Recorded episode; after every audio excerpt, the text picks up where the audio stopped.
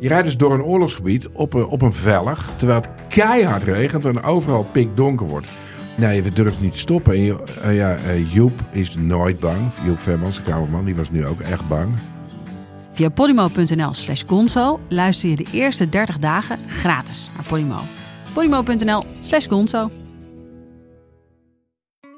In de podcast Radio Romano met Noortje Veldhuizen Marcel van Roosmalen. En met Roelof de Vries. brengen we alle drie elke week een zogenaamde signalering mee. Wat heb jij nou weer bij je? En aan het eind bepalen we wie de winnaar van de week is. Echt een angstcultuur aan het Lege worden. huls die je er bent? Ja, dat gaat eigenlijk altijd onvriendelijk. Luister nu naar Radio Romano bij Podimo. Via podimo.nl slash Radio Romano luister je 30 dagen gratis. De macht van Poetin is dus definitief gevestigd, zeg jij hier, door de steun van Gerhard Schröder, de bondskanselier. die de Duitse economie koppelde aan die van Rusland. Dit is Betrouwbare Bronnen met Jaap Jansen.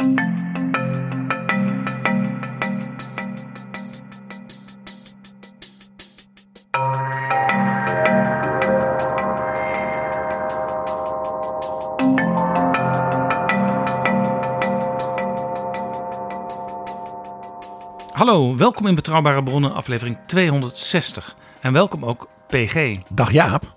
PG, donderdag spreekt de Oekraïense president Volodymyr Zelensky de Tweede Kamer toe. Zijn speeches worden met de dag puntiger en soms zelfs provocerend. Ja, eh, het is heel interessant. Het, het is iets heel nieuws op het politieke en ook mediamieke wereldtoneel. Dit hebben we nooit eerder gezien. Je zal zien dat mensen gaan promoveren over een aantal jaren op de speeches van Churchill. Ja, FDR en Zelensky als vergelijkende, zeggen we, vergelijkend onderzoek naar zeg maar, politieke speeches en in crisistijden en hun impact. Ja, want daar moest ik inderdaad aan denken. Vooral aan Churchill, maar ook FDR. En misschien kunnen we zelfs ook nog de speeches van koningin Wilhelmina via Radio Oranje erbij benoemen. Maar je ziet, we leven nu echt in het mediatijdperk. En elk parlement, elk land krijgt een speech op maat geleverd door Zelensky vanuit zijn presidentieel onderkomen. Ja, hij zit daar in een soort kelder hè, om te voorkomen dat je voortdurend de sirene hoort. En in zijn groene t-shirt.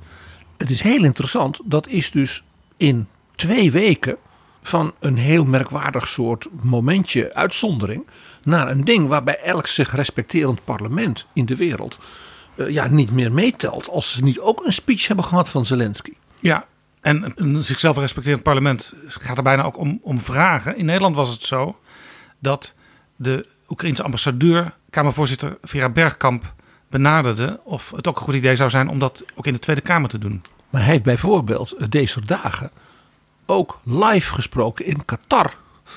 En dat was niet voor het voetballen.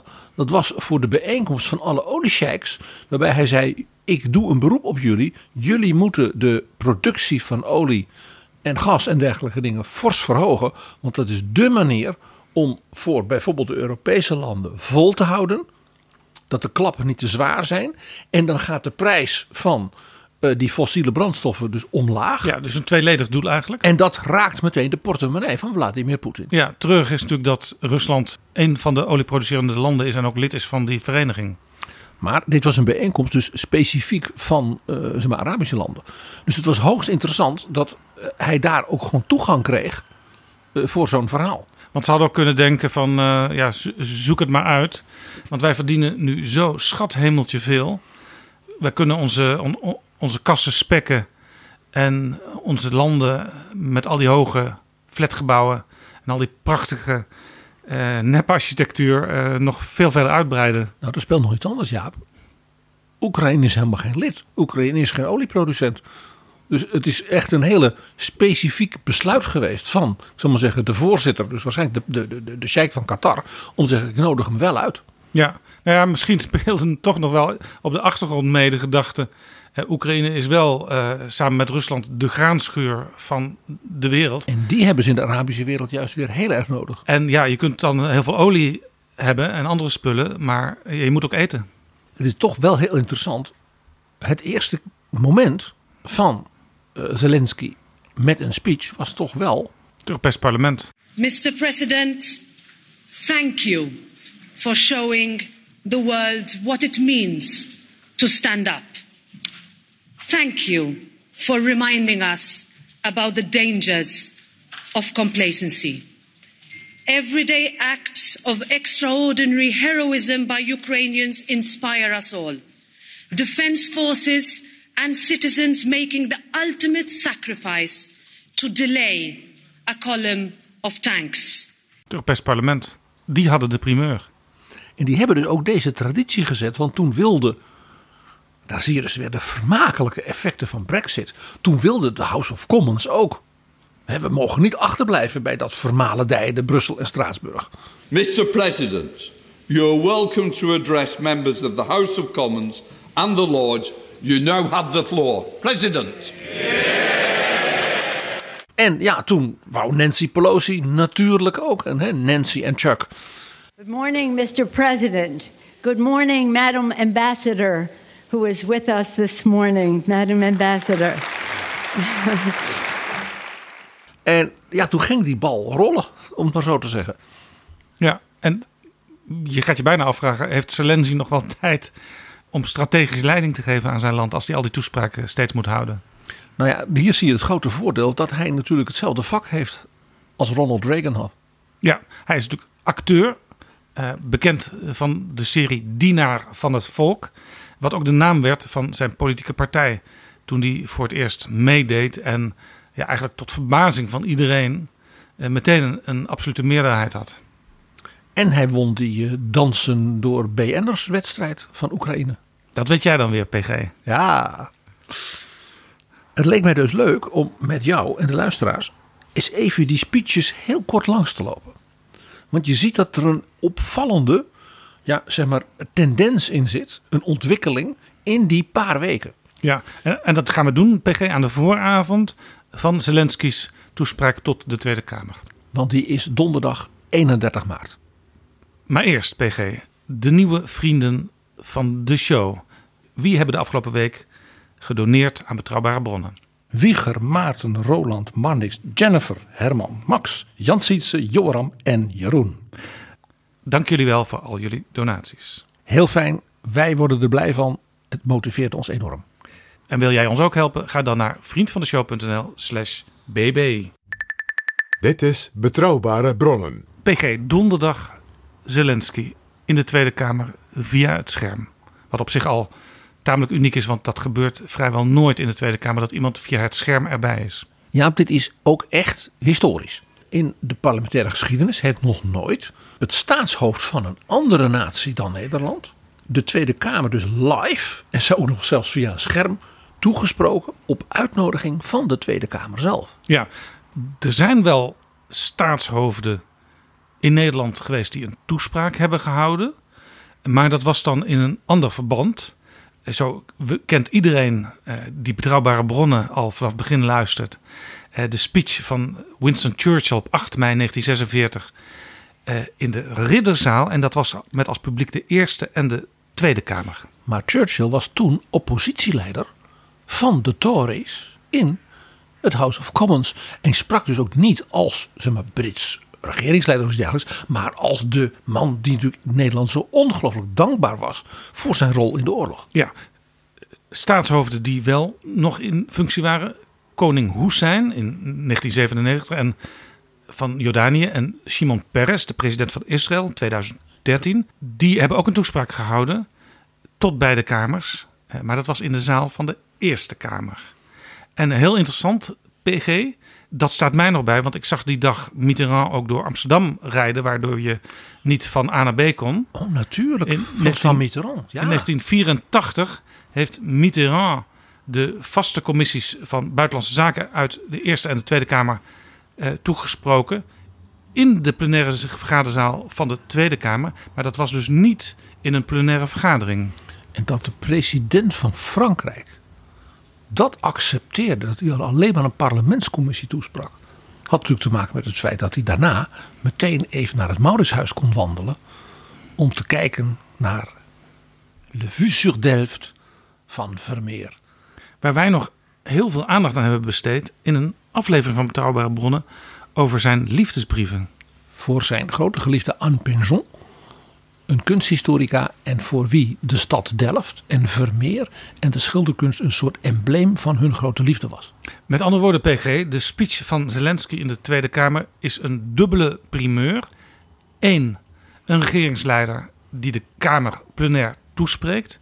En twee, via het scherm. En drie, in oorlog. Nou is dit, we hadden het er net al over, niet de eerste speech van Zelensky tot een parlement. In enkele weken. En Jaap, het is zeer interessant om die speeches als het ware in hun volgorde naast elkaar te leggen. Ja. De speech tot het Europees Parlement eh, was een speech van grote emotie, van groot idealisme, maar ook van wanhoop. Uh, en zozeer dat de vertaler uh, van de speech van het Oekraïens in het Engels in tranen uitbarstte halverwege bij het vertalen. This is called the Freedom Square. Can you imagine this morning two cruise missiles hit this Freedom Square, dozens of killed ones. This is the price of freedom. We are fighting just for our land and for our freedom. Despite the fact that all large cities of our country are now blocked, nobody is going to enter and intervene with our freedom and country. And believe you me, every square of today, no matter what it's called, it's going to be called, as today, Freedom Square in every city of our country. Nobody is going to break us. We're strong. We're Ukrainians. Die speech PG die vond plaats in een bijzondere zitting in Brussel. En in die zitting heeft het Europees Parlement ook uitgesproken dat Oekraïne uh, lid mag worden van de Europese Unie. Niet meteen, maar wel dat daar met extra aandacht en in een versnelde procedure aan gewerkt zal worden. Ook als natuurlijk zeer krachtig symbolisch gebaar. Oekraïne is een Europees land. Dat hoort bij de vrijheden en de waarden waar Europa voor staat. En dat was dus in feite het antwoord op die, ja, dat vurige pleidooi van Zelensky. Dit was als het ware een parlementair, procedureel, maar ook constitutioneel antwoord op die smeekbeden van hem namens zijn volk. Ja, en het moet uh, voor Zelensky en zijn mensen uh, kort daarna een deceptie zijn geweest dat Europese staats- en regeringsleiders, aangevoerd door onder andere Mark Rutte, uh, toch veel terughoudender bleken te zijn over een, een versneld lidmaatschap. Nou, die begonnen heel veel uh, op zichzelf uh, niet onbegrijpelijke procedurele, mag ik zeggen, punten en komma's te noteren. Het was alsof ze weer een Chopin-biografie aan het lezen waren. Ja, nu is het natuurlijk zo dat in de Europese besluitvorming er altijd een voorstel komt van de Europese Commissie. En dan gaan de regeringsleiders, of de vakministers, maar in dit geval de regeringsleiders, en het Europees Parlement daar ook weer met elkaar over praten. Dus het Europees Parlement zal waarschijnlijk met kracht uh, vaak uh, herhaald hierover opnieuw beginnen. Uh, ik zag nog hedenochtend, Jaap, een nogal fel filmpje van Manfred Weber. Heel onlangs gesprekspartner van ons in Straatsburg. Waarbij hij dit uh, nou zeg maar hoog op de agenda zette. Van als we dan een energieunie gaan doen. En als we dus een defensieunie. Al die dingen horen bij zitten. De sluitsteen daarbij is dus dat dan ook Oekraïne deel is van die energieunie. Van die defensieunie en van die waardenunie. Ja, sterker nog. De, de, de energiegrid van Oekraïne. Die is of wordt op dit moment ook aangesloten op de rest van Europa. En daarmee is het natuurlijk in zekere zin feitelijk gewoon zo dat ze erbij horen. Nou Jaap, vlak daarna, ik zei het al, waren de Britten aan de beurt. En de speech daar was, van Zelensky was ook vol emotie. Uh, hij citeerde Churchill. We will fight them in the streets, we will fight. Hij zei, wij doen dat nu. En gebruikte dus diezelfde volgorde van Churchill zei dat toen, wij zullen dat doen. Wij doen het. Het gebeurt nu. Dat kwam natuurlijk enorm aan. The question for us now is to be or not to be. You all know this Shakespeare question. For 13 days this question could be asked. Now I can give you a definitive answer. It is definitely yes to be. A performance by President Zelensky heard in silence by the Prime Minister and hundreds of MPs. A translation in their headsets. I would like to remind you of the words the United Kingdom has heard before and are important again. We will not give up and we will not lose. We will fight at sea and in the air. We will continue fighting for our land, whatever the cost. Invoking the eloquence of Shakespeare and the fortitude of Churchill, it was a plea for help unlike any other heard in this chamber. I am grateful to you, Boris. Please increase the pressure of sanctions. Please recognize Russia as a terrorist state. Please make sure our Ukrainian skies are safe. Please make sure you do what needs to be done and what is stipulated by the greatness of your country. Retorisch dus heel knap. Daarna begon er een, in die speeches ook een zekere losheid te komen. Want hij merkte dat dus die verhalen geweldig aankwamen. Interessant genoeg ook in Oekraïne zelf. De mensen in Oekraïne vonden die speeches, ja, die waren wel niet tot hen gericht. Maar het feit dat hun president de mensen in de wereld kon toespreken en aanmoedigen en ook opporren. Help ons alsjeblieft. Deed natuurlijk de mensen in de Oekraïne ook goed. Ja, het is inmiddels trouwens ook bijna een vast onderdeel geworden van alle dagelijkse nieuwsuitzendingen overal ter wereld. Je ziet hem elke dag wel een land toespreken. En daarmee kreeg dus die speeches een soort tendentie. Namelijk dat hij nog meer dan hij natuurlijk kon doen tot het Europees Parlement. Als het ware de specifieke politieke culturele, historische en ook actuele uh, soms aarzelingen in een land benoemde.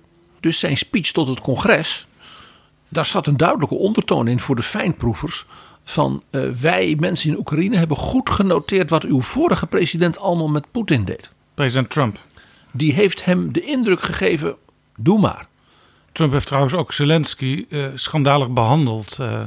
Geprobeerd te chanteren om vervolgens nu zich op de borst te kloppen dat die uh, heel goed werkende raketjes van hem, van de Amerikanen, dat hij ze toch maar geleverd had. Ja, Wij hij... weten wat hij gedaan heeft. Hij gezegd, je krijgt ze niet als jij niet doet met Giuliani wat wij nodig hebben om de familie Biden te beschimpen. Ja, en Trump zegt ook Weet nog... je nog, quid pro quo. En Trump zegt ook nog, als ik nog president was geweest, dan was Poetin Oekraïne niet binnengevallen. Als hij nog president was geweest, hadden ze die spullen niet gehad. Interessant was de speech van Zelensky tot het Italiaanse parlement. Wat gebeurde daar? Daar benoemde hij vanuit een zekere ja, klassieke houding in de Italiaanse politiek. Van sympathie voor uh, Poetin en voor Rusland. Dat zit natuurlijk bij Salvini, dat zit natuurlijk bij de oude communisten. Maar ook bij Berlusconi, hè, die ook zakelijk heel veel met uh, Poetin doet. En die hem ook als een enorme persoonlijke vriend uh, op zijn verjaardag komt en dat soort dingen. En dat dus Draghi duidelijk gewoon de knop had omgezet. En dat alle andere partijen in het parlement toen maar, nou ja, dan moeten we maar meedoen. Ja, Mario Draghi die zich ook hier een, een waarlijk Europeaan toont. Ja, en dat al die financiële zaken en ingrepen, dat natuurlijk Draghi ook met zijn, ja, kan maar zeggen, zijn ervaring en verstand van de, de, de haute finance in de wereld, natuurlijk een hele belangrijke rol speelde. Met, met, natuurlijk mensen als uh, mevrouw Lagarde en dergelijke. Dus hij heeft heel kort aangestipt dat hij dankbaar was dat Italië zo'n sprong had gemaakt. Zo kun je het ook zeggen natuurlijk. En om vervolgens te zeggen van wij waarderen de steun enorm. Ja, heeft overigens bijna altijd wel zo'n tweeslag. Hè? Waardering, maar ook eisen. Ja, dat is dus als het ware in de loop van die speeches dat ik noem die tendentie is gekomen. Hij heeft natuurlijk de Europese Raad toegesproken. Afgelopen week. En ja, dat was wel een huzarenstukje. Hij heeft alle 27 leden van de Europese Raad. Dus elke regeringsleider, staatshoofd die daar zit, persoonlijk toegesproken. En ook in einem Zug. Hè? Hij heeft. Uh... In een hele korte, hij had voor iedereen één, twee zinnetjes. Ja, en ook geen haperingen daarin. Dat was heel goed geoefend. De acteur. Dus hij zei: Ik spreek de hele Europese Raad toe.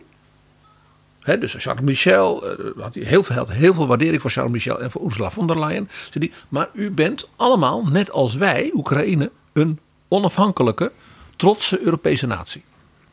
Dus hij heeft ze één voor één toegesproken. Portugalië, ну практично. Хорватія за нас. Швеція, жовто-сині завжди мають бути разом. Wat viel jou het meest op daarbij?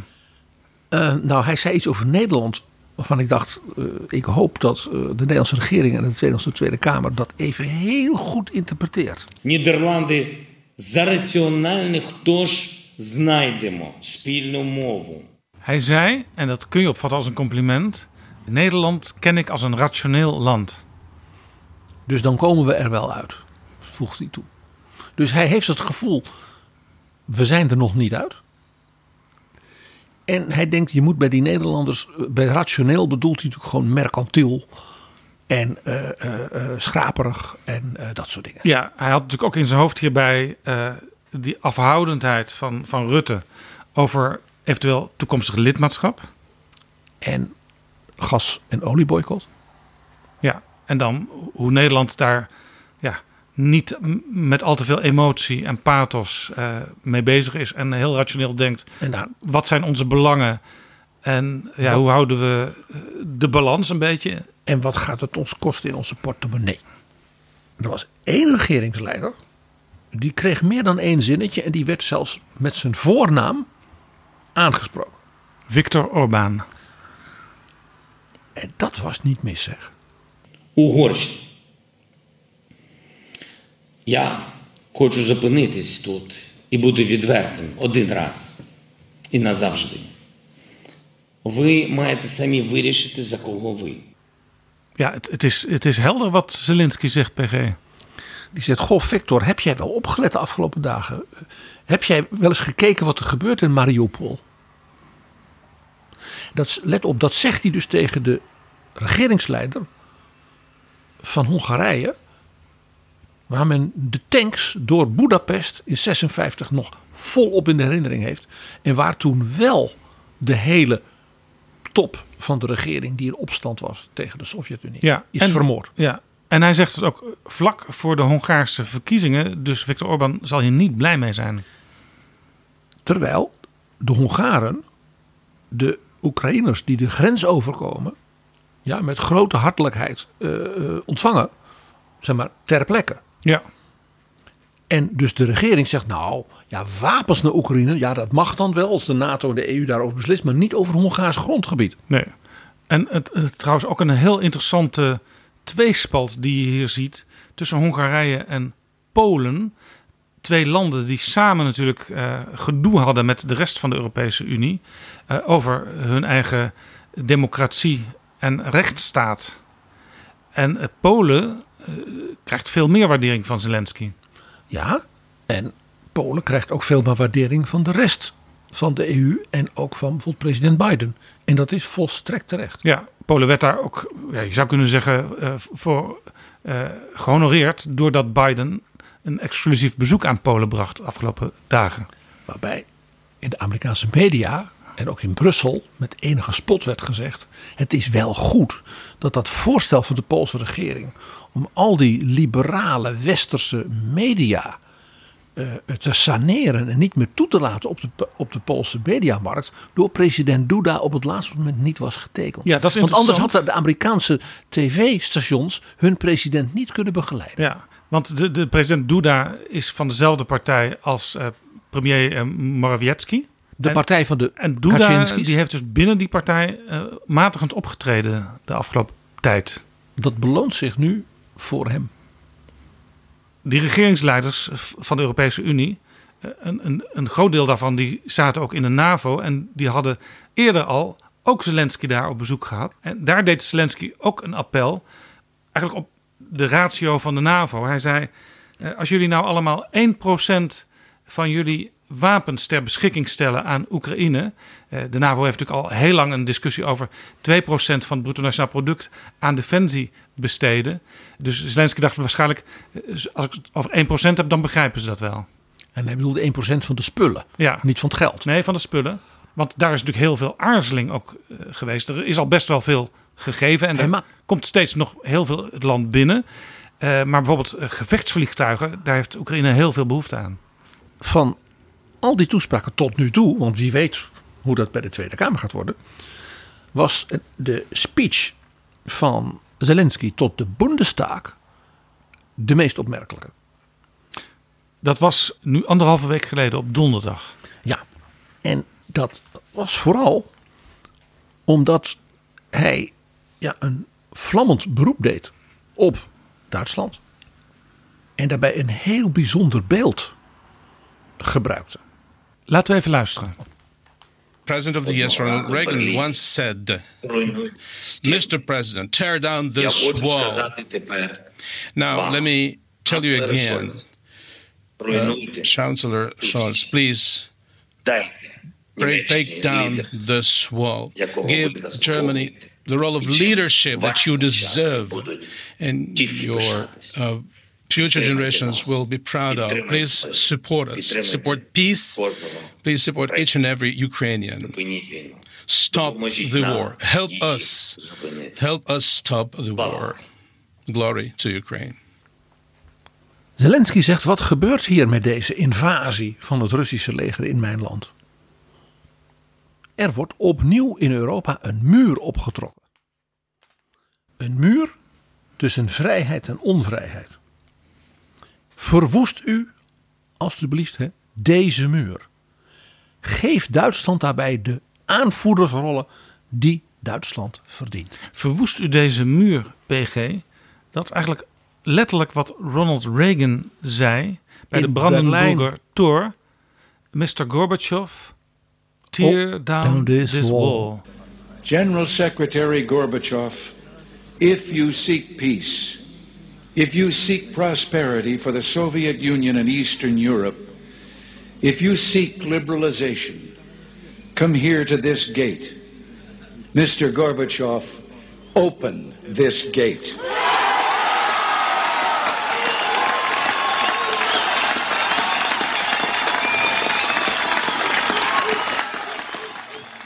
Dit is eigenlijk ook de kunst van hoe schrijf je een toespraak die blijft hangen.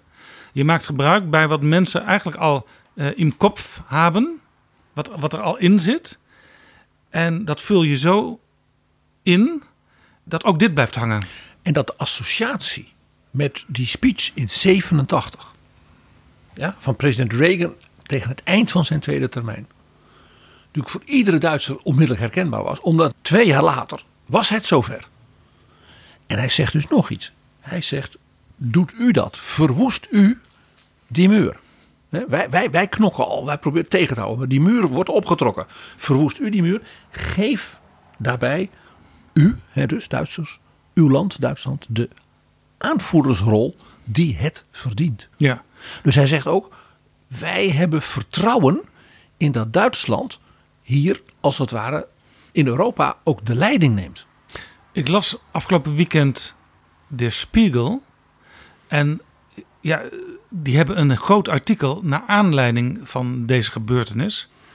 En die zijn eigenlijk helemaal niet te spreken over hoe het parlement, de Bundestag, en vooral ook de kanselier, die, die hier dus rechtstreeks wordt aangesproken, eh, vervolgens reageerden.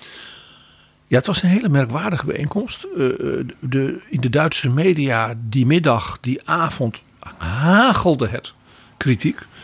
Eh, daar vielen woorden die in Duitsland altijd heel zwaar zijn als stilleloosheid, stijloos, zouden wij zeggen. Niet passend bij de gelegenheid, ook de historische gelegenheid. Eh, ik zal het heel kort schetsen.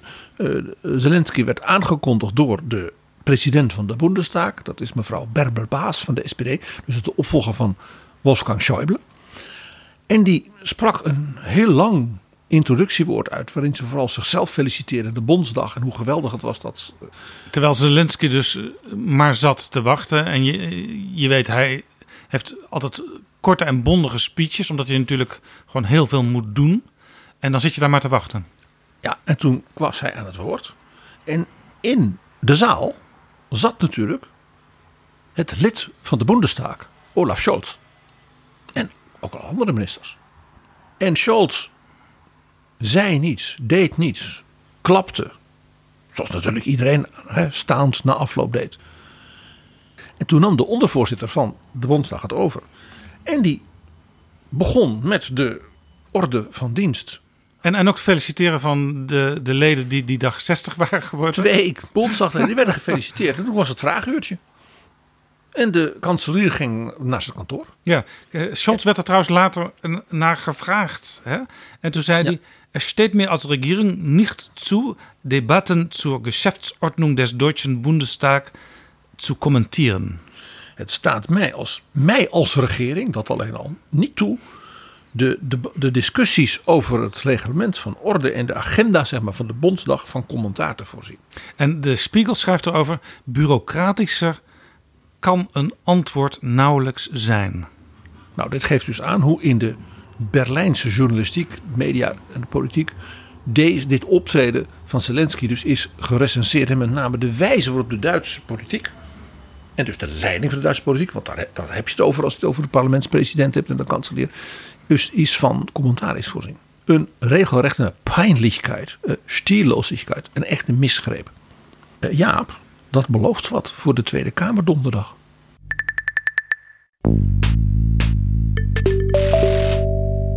Dit is Betrouwbare Bronnen. Een podcast met betrouwbare bronnen.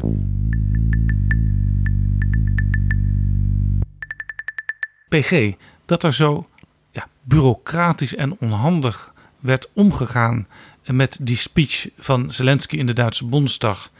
Dat verbaast mij, gezien het feit dat de nieuwe Duitse regering onder leiding van Olaf Scholz juist eh, de afgelopen tijd een Zeitenwende heeft laten zien. Een nieuwe positie en een nieuwe koers van Duitsland uh, in Europa. In hoe zij naar de geopolitiek kijken, naar hun verhouding met Rusland. Naar wat Europa doet en zou moeten doen in het kader van defensie. Ze hebben gezegd: uh, wij gaan nu eindelijk ons aan die belofte houden die we in Europa allemaal hebben gedaan, om 2% van het bruto binnenlands product aan defensie te gaan besteden. Ze hebben ook onmiddellijk 100 miljard euro apart gezet. Bovenop wat al in het regeerakkoord van de Ampelcoalitie was afgesproken. Dus het verbaast mij dat ze op deze manier dit deden die dag. Nou ja, dat was natuurlijk een van de redenen waarom dus de reacties ook zo uitermate negatief waren. Daar kwam nog iets bij. In de dagen vlak voor die speech hadden wat uh, sluwe journalisten en uh, mensen van de CDU, die natuurlijk nu oppositie zijn, wat vragen gesteld over die speech van Scholz met die 100 miljard. En toen bleek dat de minister van Financiën, vicekanselier Lindner van de FDP, een wat andere rekensom had. Die zei: Ja, die 100 miljard, dat moet u zo zien. Uh, dat is Daarin is meegenomen wat we al in het regeerakkoord hadden gedaan. Dus het was dus niet 100 miljard, maar bijvoorbeeld, ik zou maar zeggen, 80. En daar zat ook nog een eenmalig bedrag in voor de aanschaf van uh, zeg maar, uh, nieuwe spullen. En een bedrag bijvoorbeeld voor humanitaire hulp aan Oekraïne, die dan ook door de, de Bundesweer zouden de, de, de medische dienst zou komen helpen. Bijna PG of ik een Nederlandse minister van Financiën hoor redeneren. Uh, het was zo Hollands als maar kon. Die 100 miljard was dus, als je goed keek, bij de onderbouwing en de uitwerking geen 100 miljard extra. Nou, dat leidde natuurlijk tot groot gedoe binnen de Ampelcoalitie. Interessant genoeg, omdat de Groenen, niet de FDP, de Groenen zeiden 100 miljard is 100 miljard. En het meest opmerkelijke was, Olaf Scholz is nadien bijna niet meer te zien geweest in de Duitse media. Want dat is wat Der Spiegel ook noteert. Olaf Scholz is onzichtbaar. En heeft dus niet wat de Duitsers noemen uh, Führungskwaliteit. Ze schrijven ook, ja, zeiden ze, van Merkel hebben wij als Der Spiegel en andere media ook vaak gezegd van waarom houdt ze niet eens een mooie toespraak? Ja, waarom is Merkel zo afwachtend? Dat hoorde je heel vaak. Maar ze zeiden daarbij speelde dat wij dan wel wisten dat zij achter de schermen bij Poetin, in, bij al die andere wereldleiders haar uh, uh, partijtje wel meeblies. Maar dat dat die ingetogen aard van haar was. En dan soms kwam ze dan ineens, heel onverwacht, hè, met een speech of met een debat in de Bondsdag. Waarbij ze punt, punt, punt, hè, de typisch de beta-geleerde, even uh, uh, wat de Duitsers noemen tachelesreden. Hè. Dus gewoon de punten even heel scherp zetten. En dat de mensen dan zeiden, wauw. En mij zei, die rol achter de schermen de meest invloedrijke uh, figuur zijn in Europa dat zien wij bij Scholz niet. Nee, Macron doet dat. Positie is inderdaad door Emmanuel Macron van Frankrijk overgenomen. En Draghi als het gaat om de economie en de financiën. Ja, en Scholz die is natuurlijk wel uh, ook naar Moskou gegaan in de, in, de, in, de, in de dagen voordat het allemaal losbarstte. Maar in Europa heb je naast Macron uh, nog veel meer regeringsleiders. Bijvoorbeeld de, de Poolse premier. Ja, en het punt is, Zelfs Mark Rutte, die afgelopen week eh, Europa doorreisde. De Spiegel wijst er ook op dat Scholz naar Poetin ging. Met het idee dat eh, Poetin zeer onder de indruk zou zijn. En hij had zelfs een eh, concessie, min of meer, van Zelensky gekregen. Dat Zelensky zei: Ja, u mag als kanselier, want dat kan helpen, bevestigen dat wij samen nog een keer hebben afgesproken dat die extra aandacht voor Russische taalwetten in het onderwijs in Oekraïne, die in de Minsk-akkoorden zaten, dat we dat echt zullen doorvoeren. Want dat was een van de smoezen van de Russen worden onderdrukt. Ja. En Scholz dacht, nou, dat zal Poetin heel geweldig vinden. En, uh, en toen, nou, toen uh, was Poetin had ook gezegd dat hij er goed over zou nadenken. En dat het belangrijk was wat hij had gezegd. En toen is Scholz in het vliegtuig teruggezegd, nou, het is wel heel belangrijk hoor, wat we hebben bereikt. En twee dagen later viel Poetin Oekraïne binnen. Dus Poetin heeft daarmee ook de opvolger van Merkel totaal anders behandeld dan natuurlijk Merkel altijd behandelde. PGNO hebben wij in aflevering 248 van Betrouwbare Bronnen het gehad over Oekraïne en de eeuwenoude vriendschap tussen Duitsland en Rusland. En uh, die aflevering verklaarde toen ook voor mij veel over eigenlijk de, de trage reactie toen van Duitsland op alles wat er aan het gebeuren was. En ik was des te positiever verrast eigenlijk door de Zeitenwende. Ja, en we zien dus nu dat die speech en zeg, de sprakeloosheid daarna, inclusief die pijnlijkheid van de toespraak van Zelensky, dus een beetje in het gezicht van Scholz is ontploft. Want men zegt dus nu, ja, die speech dat was wel prachtig, maar ja, daarna is het uh, ja, de ene struikel naar de ander uh, misgreep. Ja, in die aflevering gingen we, zoals het betrouwbare bronnen betaamt, heel diep terug in de historie. maar we hadden het ook over de Oostpolitiek. Ja, kijk Jaap, met een SPD-kanselier als Scholz is natuurlijk de Oostpolitiek van met name de SPD van na de Tweede Wereldoorlog in de tijd van de Bondsrepubliek natuurlijk als traditie en ook als erfenis weer volop ja, in het midden van de Duitse politiek.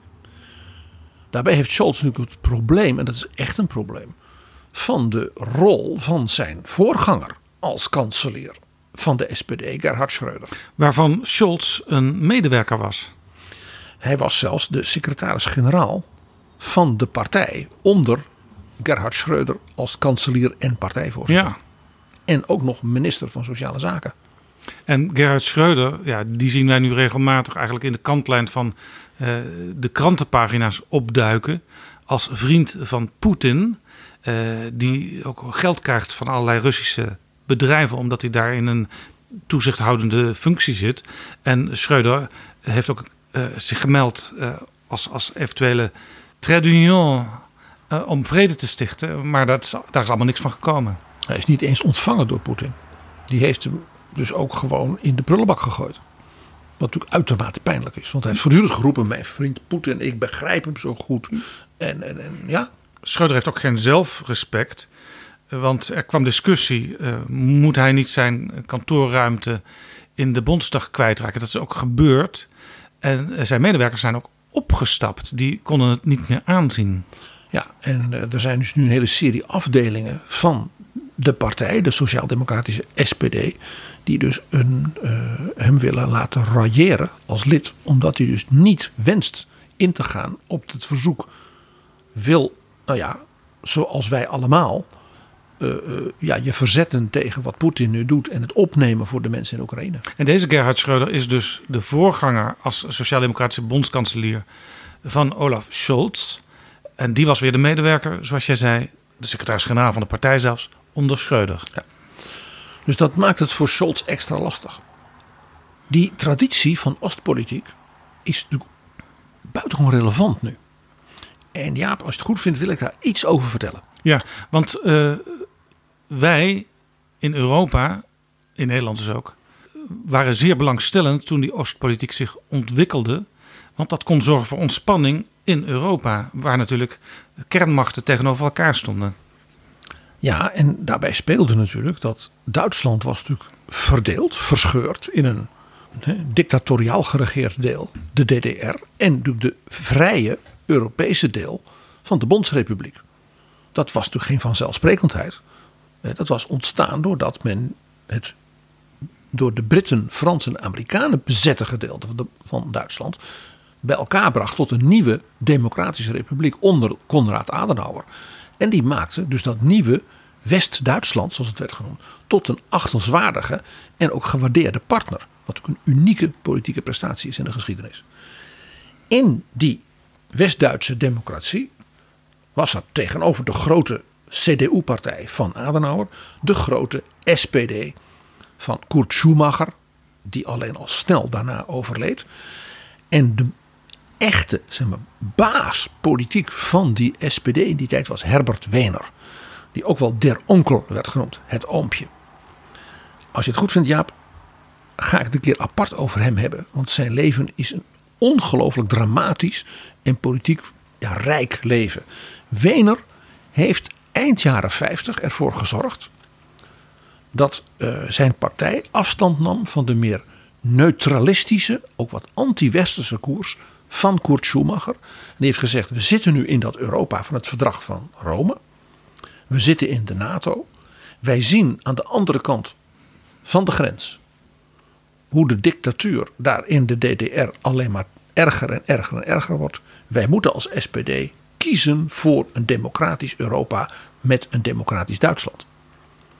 Dus Herbert Wehner heeft in 1959 ervoor gezorgd dat de SPD een nieuw beginselprogramma kreeg.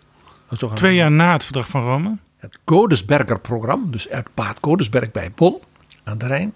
En een jaar daarna heeft hij een hele grote toespraak gehouden over de positie van Duitsland in de wereld en het buitenlands beleid in de Bondsdag. En daarin heeft hij in feite gezegd: ik steek mijn hand uit naar Adenauer. Wij zullen elkaar tot het bot bestrijden politiek, want dat hoort zo in een democratie. Maar we gaan samen voor die Europese toekomst van Duitsland. Dat is een van de belangrijkste toespraken in de Duitse geschiedenis. Wehner had door zijn verleden, waar we een andere keer over praten, hele bijzondere contacten in Oost-Europa en zelfs ook in de DDR. En werd dus minister gemaakt met eigenlijk maar één taak: contacten houden met de DDR. Dus hij was de eerste die kocht mensen vrij uit de gevangenissen van de Stasi en dergelijke. Hij was minister voor Gesamtdeutsche Beziehungen. Ja. En kon op die, op die vlag dus uh, de contacten die er waren over die grenzen heen, later ook over de muur heen, proberen te houden. Daarbij speelde dat hij ook heel wat mensen in het regime van de DDR nog kende uit een tijd dat hij zelf een hele jonge communist was geweest tegen Hitler. Der onkel was zeg maar de, de, de, ja, de belichaming dus van die geschiedenis van de SPD en ook de drama's van de geschiedenis in de 20e eeuw. En hij is het geweest die Willy Brandt naar voren heeft geschoven als de nieuwe partijleider. Ja, en Brandt, die associëren we allemaal met de Oostpolitiek. Willy Brandt, die zei niet alleen meer democratie wagen toen hij kanselier werd, maar ook wij moeten proberen tot normalisering te komen. Hij zei, je moet toch wel ook met elkaar kunnen en mogen praten. Daar worden wij toch niet minder westers van, minder democratisch, minder Europees en minder loyale bondgenoot in de ja, NATO. Ja, bovendien aan de andere kant van de muur had je familie. Letterlijk. En waren er ook volkeren, zoals de Polen, zoals de mensen in Oekraïne, mensen in de Baltische landen, die natuurlijk uh, ja, dat nieuwe Duitsland weer rijk en machtig zagen worden, terwijl zij in armoede leefden. En hij zoiets had, ja, we hebben ook nog een soort ereschuld. Dus Brandt heeft met succes geprobeerd verbindingen te openen met Oost-Europa. Heeft daar natuurlijk ook Nobelprijs voor de Vrede voor gekregen. En ontwikkelde toen een hele opmerkelijke vriendschap, namelijk met Leonid Brezhnev. Op een of andere manier klikte dat. En dat ja, die gingen ook samen varen en zo, dat heb je uitgebreid ja, verteld. Ja. Brezhnev wist dat dat tot grote paranoia leidde bij het duo Kissinger-Nixon. Dus daar had hij belang bij. Ja, zo werkt dat ook. ja. Dus die Oostpolitiek had ook iets van dat de Duitsers zo hun eigen vriendschappen met Moskou ontwikkelden op het hoogste niveau, waar dan de Amerikanen met grote argwaan naar keken. Ja, tegelijkertijd de opvolger van Brandt, Helmut Schmidt. Uh, dat was de man die, uh, ook tot onvrede van uh, veel Nederlanders, zich heel erg ging inspannen om nieuwe kruisraketten te plaatsen. Tegenover de Russische raketten. Helmoet Schmid was dus ook een sociaaldemocraat. Was minister van Defensie geweest. En minister van Financiën. Dat was zo'n type Jan de Koning. Die kon alles. Henk Kamp, weet je wel. En dus kansler kon hij ook. Zeker kon hij dat. En die was een typische klassieke realist. Die zei: Kijk, wij moeten met de westerse landen, dus ook met Nederland, iets doen tegen die nieuwe dreigende raketten. President Reagan houden we daarmee dicht bij Europa. Want dat was de reden. De reden was nog, misschien nog wel meer. De Amerikanen aan Europa klinken ja, dan iets tegen de Russen doen. Het hoofdbelang geopolitiek van Duitsland. De Amerikanen er altijd bij houden. Tegelijkertijd zei Schmidt, heel stoer, want dat was hij, tegen Reagan: U mag nog zo vaak mopperen over het Duitse bedrijfsleven. Dat in Rusland, in de Sovjet-Unie, investeert. Dat daar enorme gas- en pijpleidingen aanleidt voor de olie. Zodat de Duitsers gas en, olie kunnen krijgen. Ja, maar anders moeten we het van die Arabische sheiks kopen. Daar bent u ook niet zo dol op. Of, of verkoopt u ze graag wapens. Dus terwijl Reagan voortdurend zei: jullie moeten stoppen met die olie en die pijpleidingen voor gas. Zei Schmid: we zijn loyaal genoeg, maar daar gaan we mee door. Want het Duitse bedrijfsleven had daar natuurlijk ook belang bij. Tegelijkertijd was Schmid ook in zijn SPD, in de Duitse binnenlandse politiek, een echte realist. Want waar hij niets van moest hebben, was ontwikkelingen aan de linkervleugel van zijn partij, de SPD. Die overigens ook in de vredesbeweging bij de Groenen zat. Van ja, de Amerikanen zijn toch slechterikken in Vietnam en die Reagan is zo vreselijk. En uh, de Russen zijn, willen toch vrede en die hebben zo geleden onder ons Duitsers. Dus we moeten een beetje zo halverwege tussen ze in zitten. En misschien kunnen we wel met de Russen los van de Amerikanen en de andere Europeanen een deal sluiten. En dat is ook fijn voor onze Duitse eh, landgenoten in de DDR. Want die DDR is toch ook antifascistisch. Die begonnen de DDR een beetje op te vrijen. Precies de discussie die je ook in Nederland zag in verschillende politieke partijen. Ja. De meest gekende uh, figuur daarvan op de linkervleugel van de SPD was Oscar Lafontaine. Oscar Lafontaine, die op een gegeven moment ook partijvoorzitter van de SPD was. Maar die op een bepaald moment is overgestapt naar die linker, eh, zeg maar de ex-eenheidspartij van de DDR, toen Duitsland één land werd. Ja, hij is dus steeds verder naar links opgeschoven, zou je kunnen zeggen.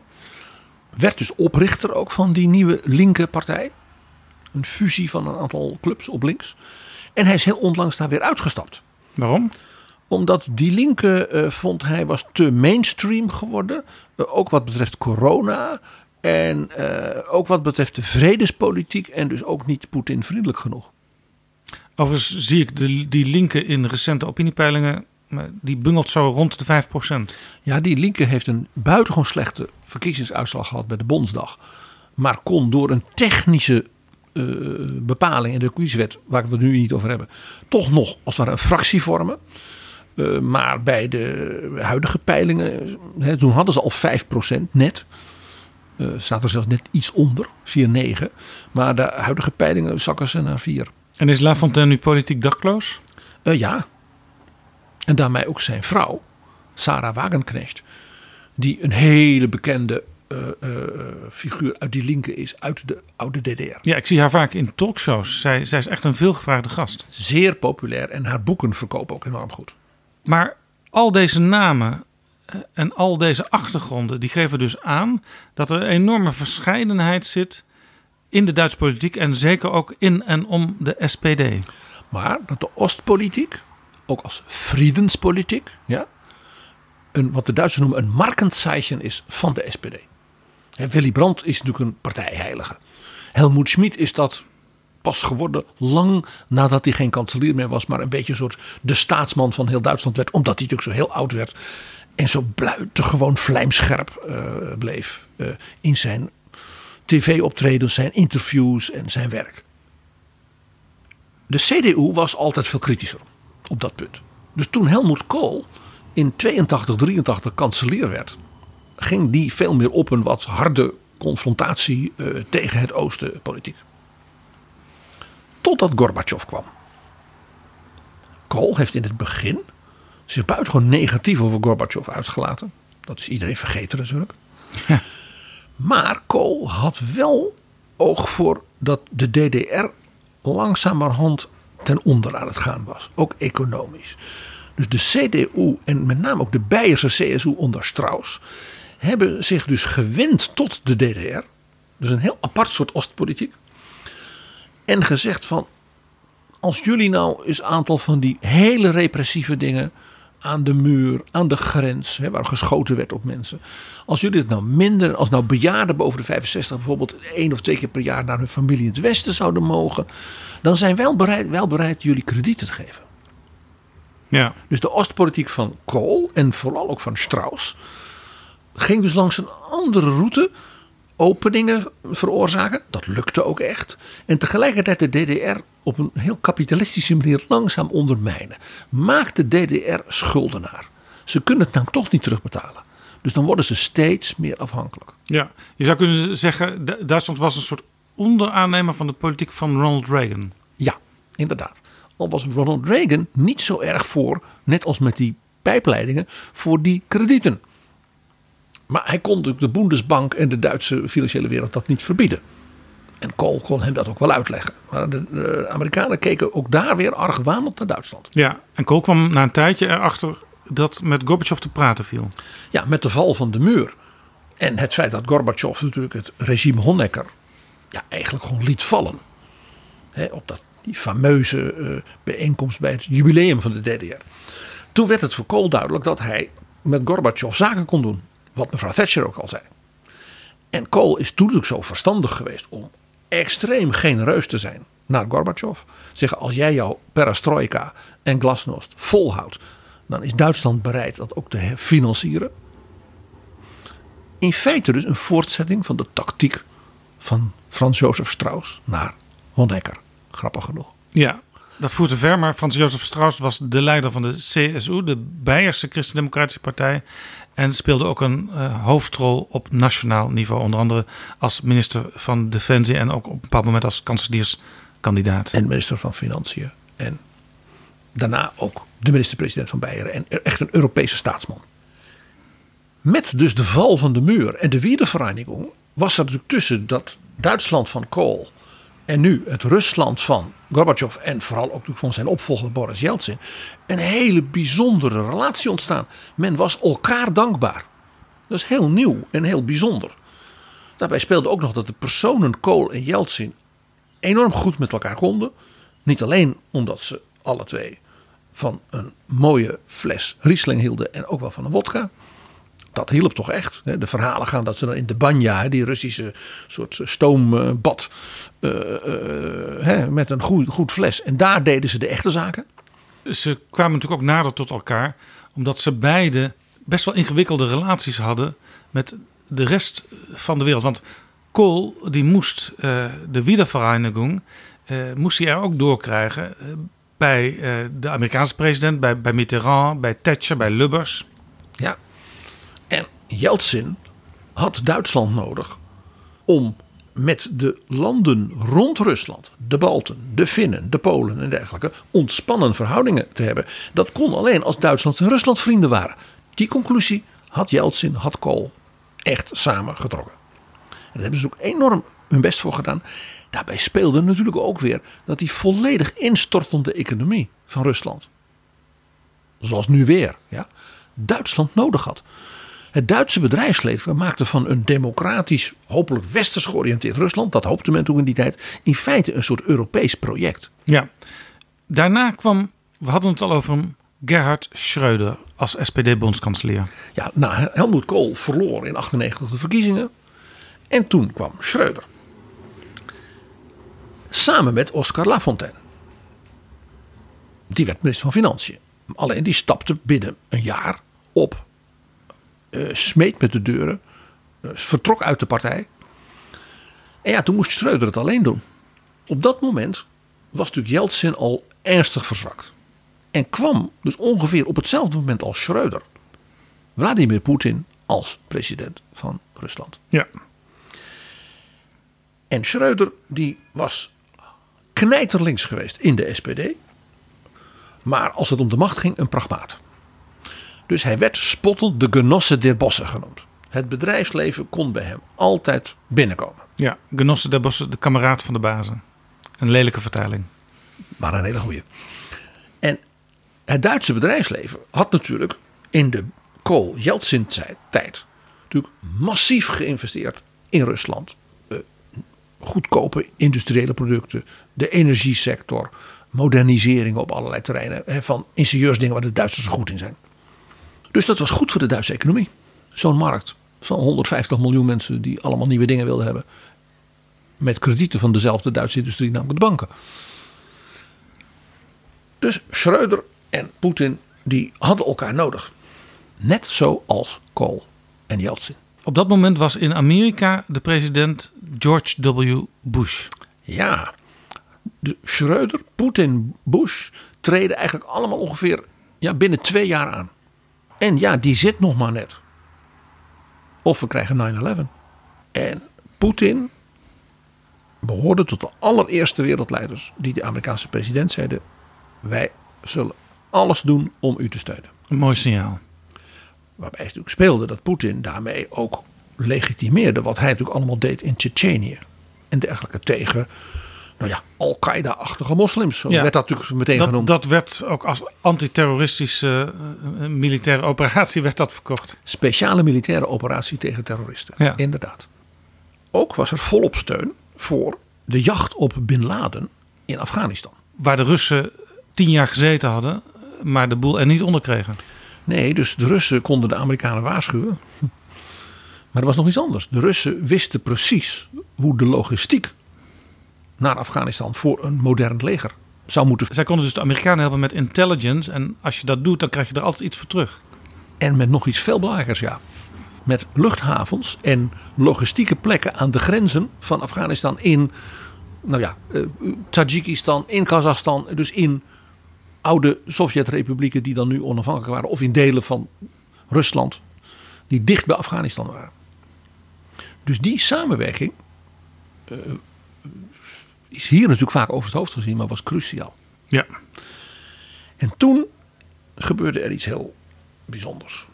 President Bush zei: Wij moeten het terrorisme bestrijden. En wie ondersteunen het terrorisme?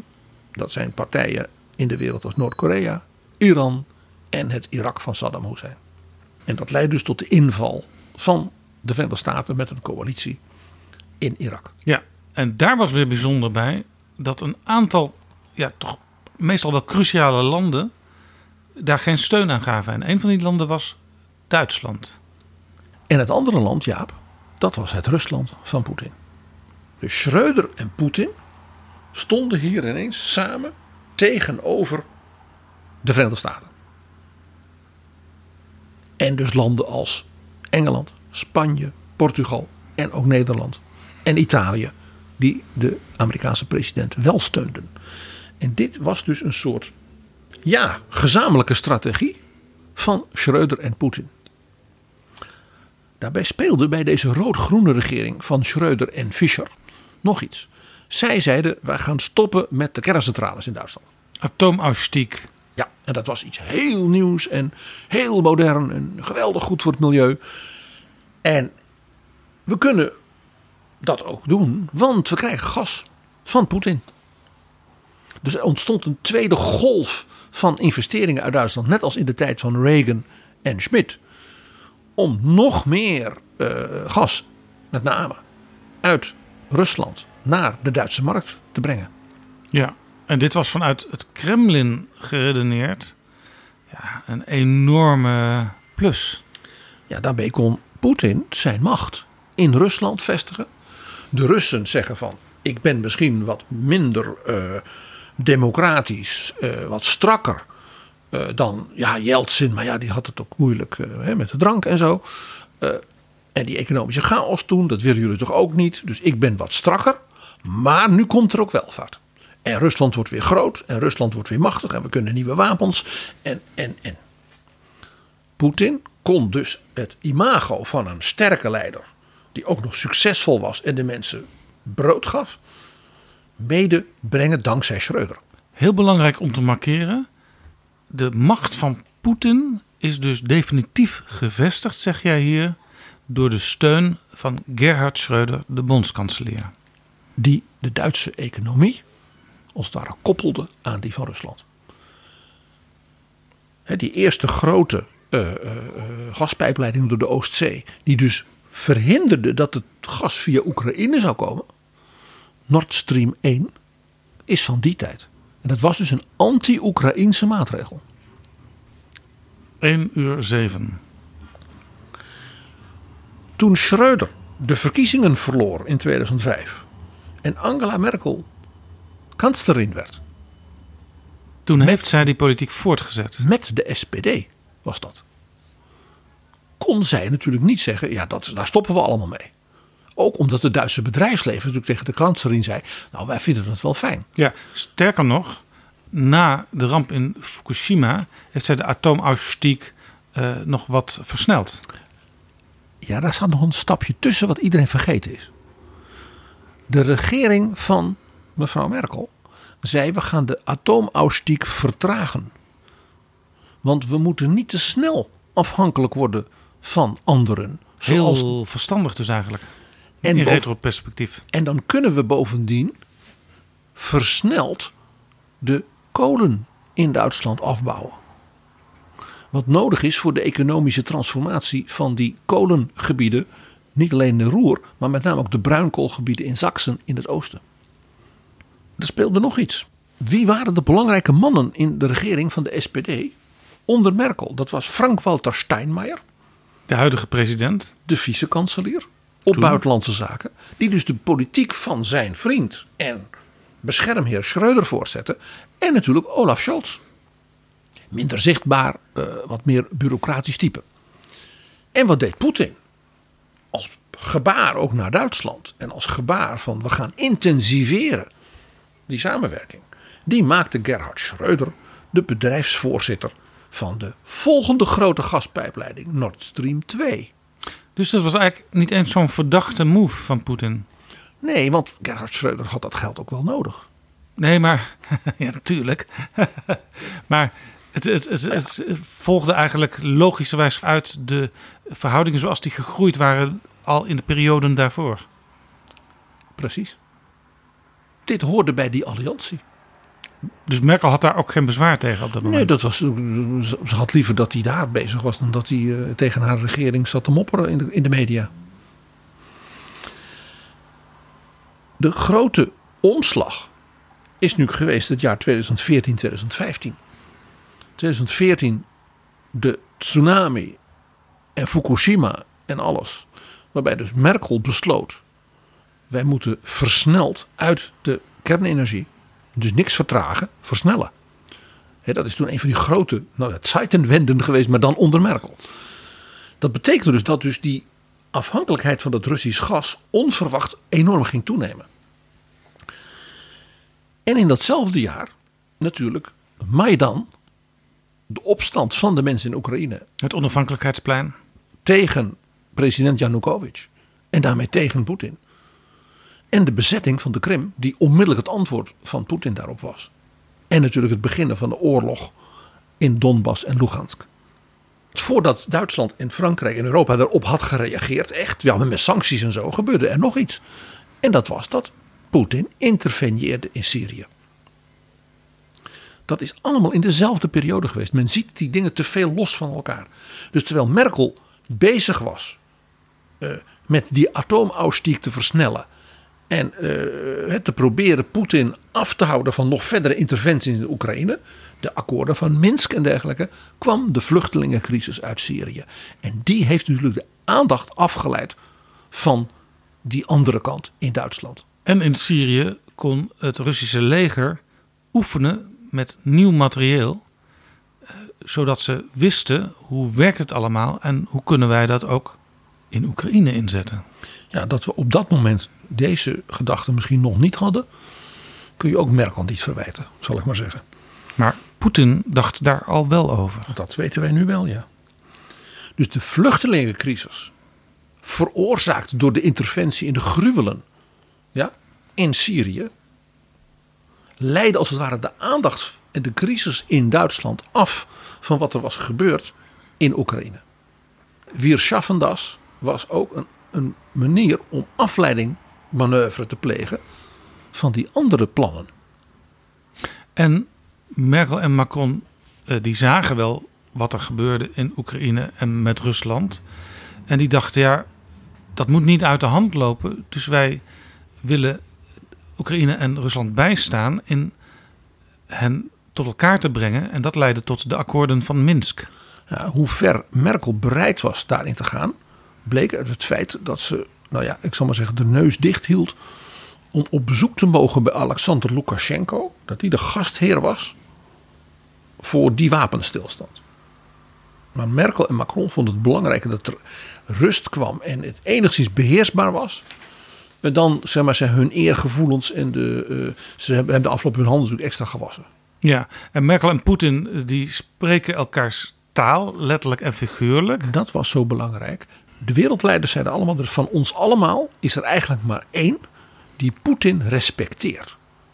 E, even los van Xi Jinping. Dat is dus niet Obama, dat is niet David Cameron, dat is niet uh, François Hollande, dat is Merkel. Poetin heeft natuurlijk in zijn uh, jonge jaren als uh, KGB'er Duits gesproken en geschreven in Dresden, waar hij gestationeerd was. En Angela Merkel, die kent het Russisch uit haar jeugd in de DDR. Zij zegt daarover: Eine schöne Sprache, ganz gefühlvoll, ein bisschen wie Musik. Angela Merkel heeft als meisje ervan gedroomd Russisch te kunnen studeren en tolkvertaalster te worden. Maar omdat haar vader een West-Duitse dominee was, was dus dat gezin verdacht in de DDR en daarom mocht ze dat niet studeren. De gesprekken van Merkel en Poetin zijn dus heel merkwaardig. Hij spreekt haar in het Duits aan als hij iets wil benadrukken. En zij citeert tegen hem Pushkin of Tsjechov of spreekt hem in met een klein grapje in het Russisch aan. Dat is dus in de wereldpolitiek iets heel bijzonders, die verhouding. En daarom dat hij voor haar respect had. En toch dacht ik toen de oorlog uitbrak in Oekraïne. Misschien is het goed dat er nu een andere bondskanselier zit. Of misschien ook niet. Dat weten we niet, Jaap. Dat weten we misschien pas over 100 jaar. Maar dat is ook de vraag, PG. Uh, gezien jouw introductie van, van dit verhaal. En de moeizame wijze waarop uh, de Bondsdag en de kanselier Scholz omgingen met die toespraak van Zelensky. Ja, je ziet dus dat in Duitsland, en dat is dus mede een erfenis van zowel die Oostpolitiek als die, zeg maar, strategische alliantie, zowel onder Schmid als onder Kool, als onder Schreuder, ja, dat de Duitsers het moeilijk vinden om nu zeg maar, heel fel anti-Russisch te zijn. Want dan is het ook zoiets van, ja, maar we hebben toch dat verleden speelt dan een rol. En, ik wees er al op, er zijn in Duitsland natuurlijk heel veel, het is ook een echt Duits woord, Poetin-versteer. Mensen die alles goed praten, dan onder het mom van, ja, maar je moet die Russen begrijpen. Uh, die zitten dus bij die linken. Nou, we hadden het al over La Fontaine en Wagenknecht, die die linken zelfs niet Poetin vriendelijk genoeg vinden. Nou, de AFD, uh, Der Spiegel van deze week, heeft pagina's over de nou, regelrechte corruptie en andere warme banden uh, tussen de AFD en het Kremlin. Uh, er is natuurlijk een grote minderheid in Duitsland die wij niet zo op het netvlies hebben. Maar dan heb je het over zeker 3 miljoen mensen. Die worden ook wel Russendeutsche genoemd. Helmoet Kool heeft natuurlijk heel veel mensen uit Rusland, uit Kazachstan, uit Oezbekistan ja, naar Duitsland laten komen. Omdat ze bijvoorbeeld nou ja, ooit uh, Duitse grootouders en overgrootouders hadden.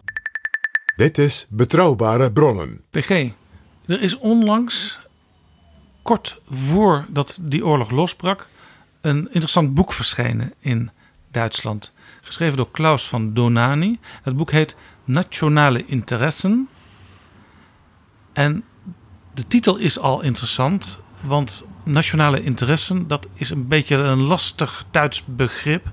Want ja, nationaal, dat doet soms ook weer denken aan die gruwelijke periode van de Tweede Wereldoorlog. Nee, nationale interessen is gewoon een citaat van Bismarck. Van Donani grijpt voor de 21ste eeuw terug op de 19e. Wie is Klaus van Donani? Klaus van Donani is wat de Duitsers een oergestein noemen. Als ik tegen jou en onze luisteraars zeg dat is de Elmar Brok van de SPD, dan begrijp jij wat ik bedoel. Ja, iemand die er altijd was, die er altijd is en tot aan zijn dood zal blijven. En hij is al zeer oud. 93. Ja, hij is 93. Hij is vlijmscherp. Formuleert vlijmscherp. Schrijft dus nog veel boeken. Dit is niet een boek, eh, weet je, oh, een boek van eh, Donna. Nee, om het jaar komt er van hem een boek. Dan wel een bundel essays, dan wel.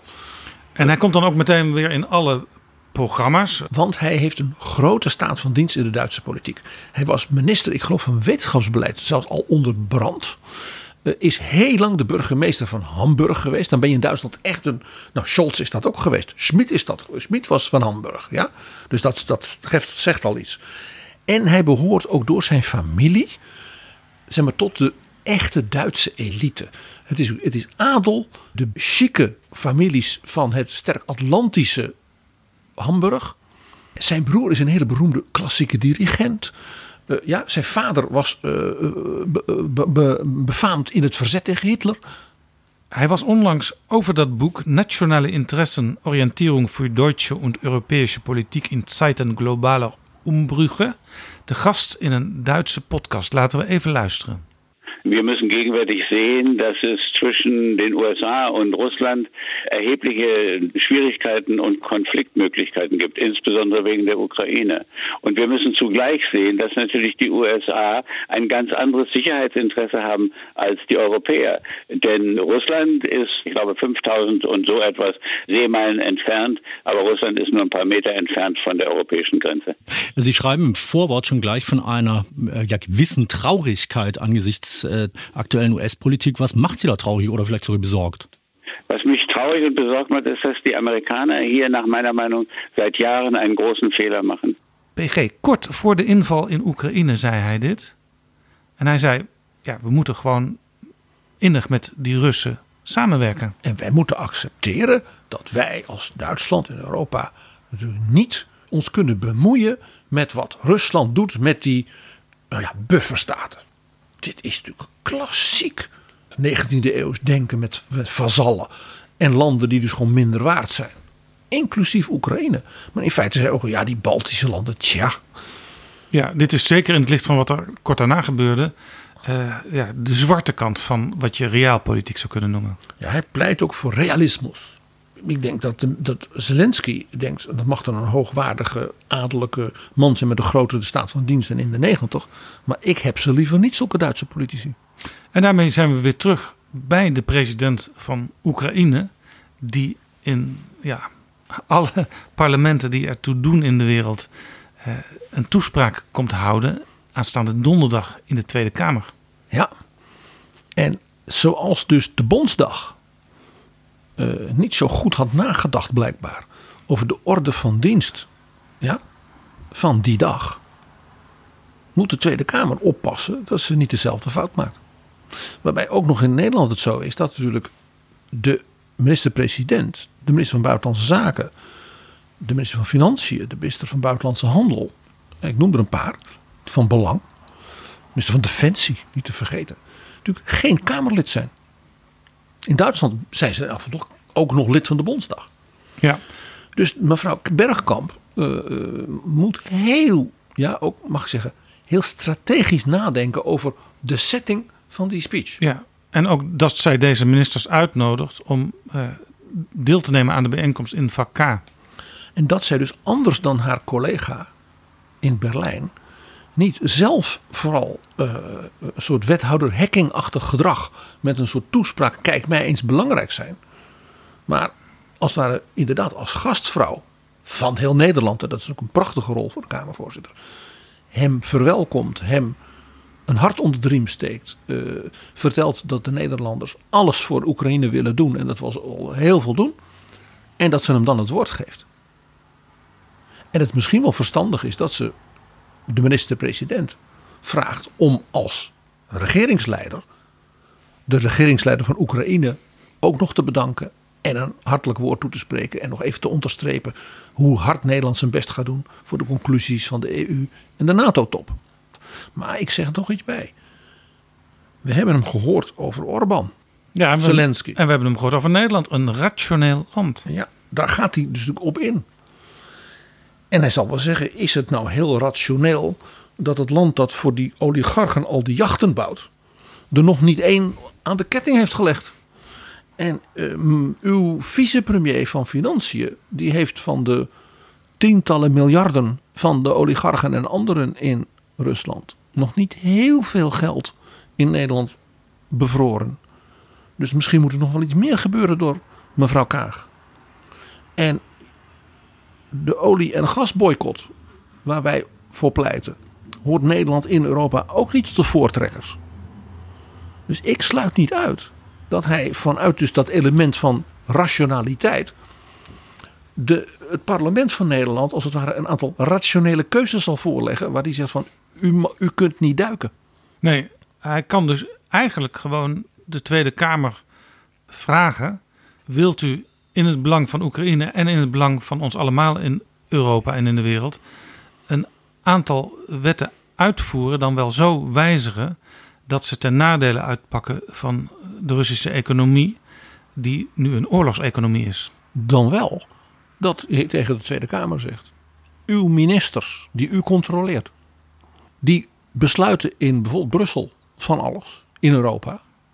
Maar als u niet controleert dat het ook gebeurt, bijvoorbeeld aan de Zuidas, dan ben ik bang dat er niks gebeurt. Of heel weinig. Dus ik sluit niet uit dat hij, ook in de, in de tendens die ik al schetste van zijn speeches, dat hij denkt: ik geef ze eens even van katoen. Die rationele Hollanders. We gaan het zien aanstaande donderdag om kwart over tien in de Tweede Kamer. Dankjewel, PG.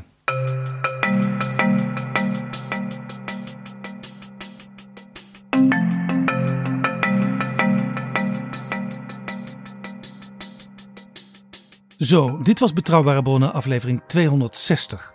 Deze aflevering is mede mogelijk gemaakt door de Europese Unie en natuurlijk door de vrienden van de show. Wil jij ook vriend worden? En dat kan door ons een kleine donatie te geven, een grote mag trouwens ook, via vriendvandeshow.nl/slash bb.